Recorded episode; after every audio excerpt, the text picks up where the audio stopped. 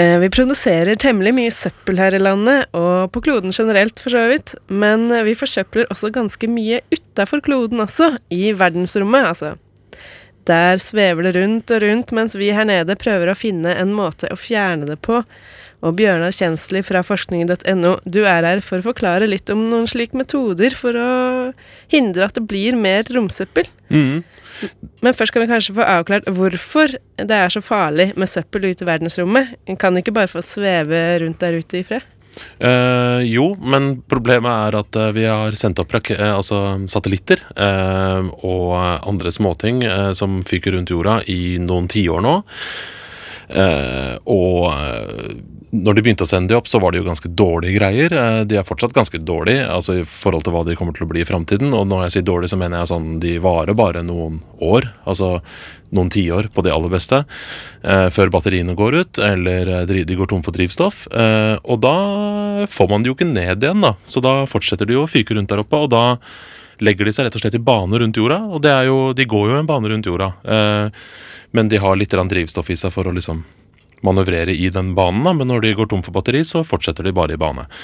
Og når USA og Kina og Sovjet og alle, alle, alle skal sende opp eh, satellitter, og har sendt opp satellitter, så kan man tenke seg at det er ganske mange der oppe. Eh, og ikke bare det, men de krasjer også inn i hverandre og lager svære svermer liksom da, med metalldeler og, og ting som går rundt i bane rundt jorda. Så det er farlig for eh, de nye satellittene som man skal sende opp. For hvis man sender opp en ny satellitt, som koster jo mange mange, mange millioner å utvikle, og det å skyte den opp eh, koster jo masse, masse, og, og det er mye ressurser involvert, så er det jo veldig kjipt om den blir truffet av noen mutter og skruer fra en satellitt fra 60-tallets Sovjetunionen der oppe.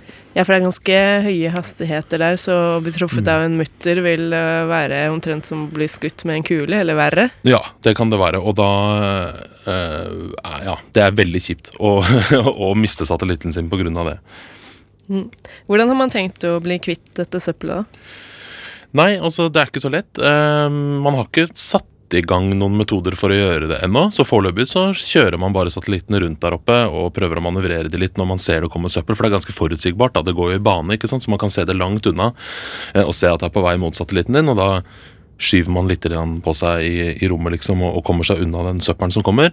Eh, men nå som det begynner å bli så mye søppel, så funker ikke det lenger. Fordi satellittene bruker opp alt drivstoffet sitt på å kjøre og unnamanøvrere fra sånn søppel. da. Og da er det noen briljante hoder i eh, NASA som har funnet ut at man kan bruke laser til å skyve på eh, ting. da, For å skyve det ut av bane, og da, da skyter det ut i verdensrommet, rett og slett. da. Ja, for når man tenker laser, så tenker du jo og da skyter den stråle, og så pulveriseres eh, denne gjenstanden. Men Det det er er, rett og slett at de skal eh, bare skufle det vekk, da. Mm, ja, så de, det er veldig, veldig svake lasere. Um, det er noen lasere med en effekt på mellom 5 og 10 kilowatt, og det er veldig lite.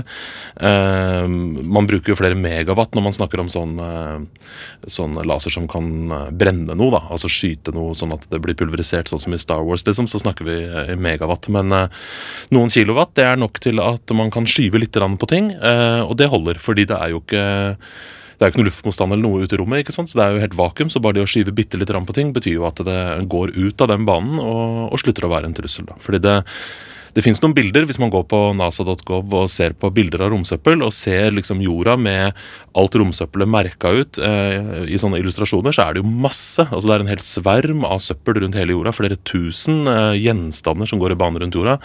Eh, så jeg skjønner ikke helt hvordan de klarer å skyte opp satellitter og unngå å bli truffet, men eh, de klarer jo det, da. Eh, Men eh, det, du sier at de ikke har satt i gang noen eh, på en måte virkemidler. Men Mm. hvorfor ikke? Hva er det som er problemer med laserne? laserne? Man har tenkt også på Den laseren som jeg snakka om nå, det er en laser på jorda som kan skyte opp i rommet, liksom, med en laser. Man har også tenkt på selvfølgelig å, å montere laser eller våpen av et eller annet slag på satellitter.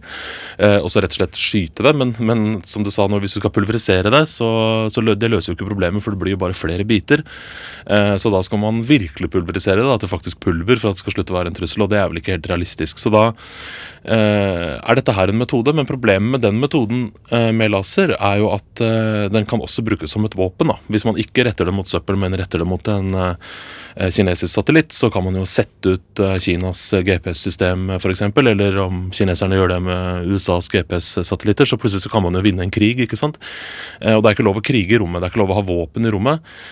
Det har alle land i FN bestemt, at der er det ikke lov å ha krig. Så det å ha våpen i rommet, det er ikke lov, og det er det ingen som har. I hvert fall på papiret. Så det å lage sånne ting som kan brukes som våpen i rommet, det er veldig lite populært. Kina har gjort det, eh, og de har faktisk skutt en satellitt med laser fra jorda. Eh, det var fryktelig lite populært, så det, det skal man ikke, da.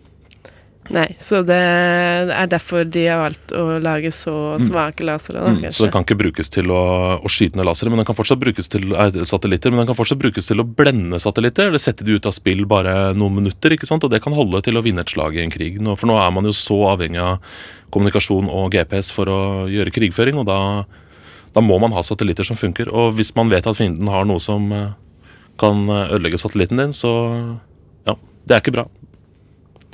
Men jeg tenker kanskje det hadde vært lurere å bare sende opp en gigantisk håv opp i verdensrommet? Eller er det helt urealistisk? Det høres ikke veldig realistisk ut, men eh, det kan nok gjøres, det òg. Eh, men eh, det er såpass mye søppel der oppe. altså Mange av disse satellittene som har blitt sendt opp, veier jo flere tonn. Så dette må være en rimelig stor håv hvis man skal gjøre noe sånt. altså. Ja, Da får vi se om vi kanskje kan få rydda opp litt ute i verdensrommet en eller annen gang i fremtiden. Tusen takk for at du kom, Bjørnar Kjønsli fra forskning.no. Bare hyggelig.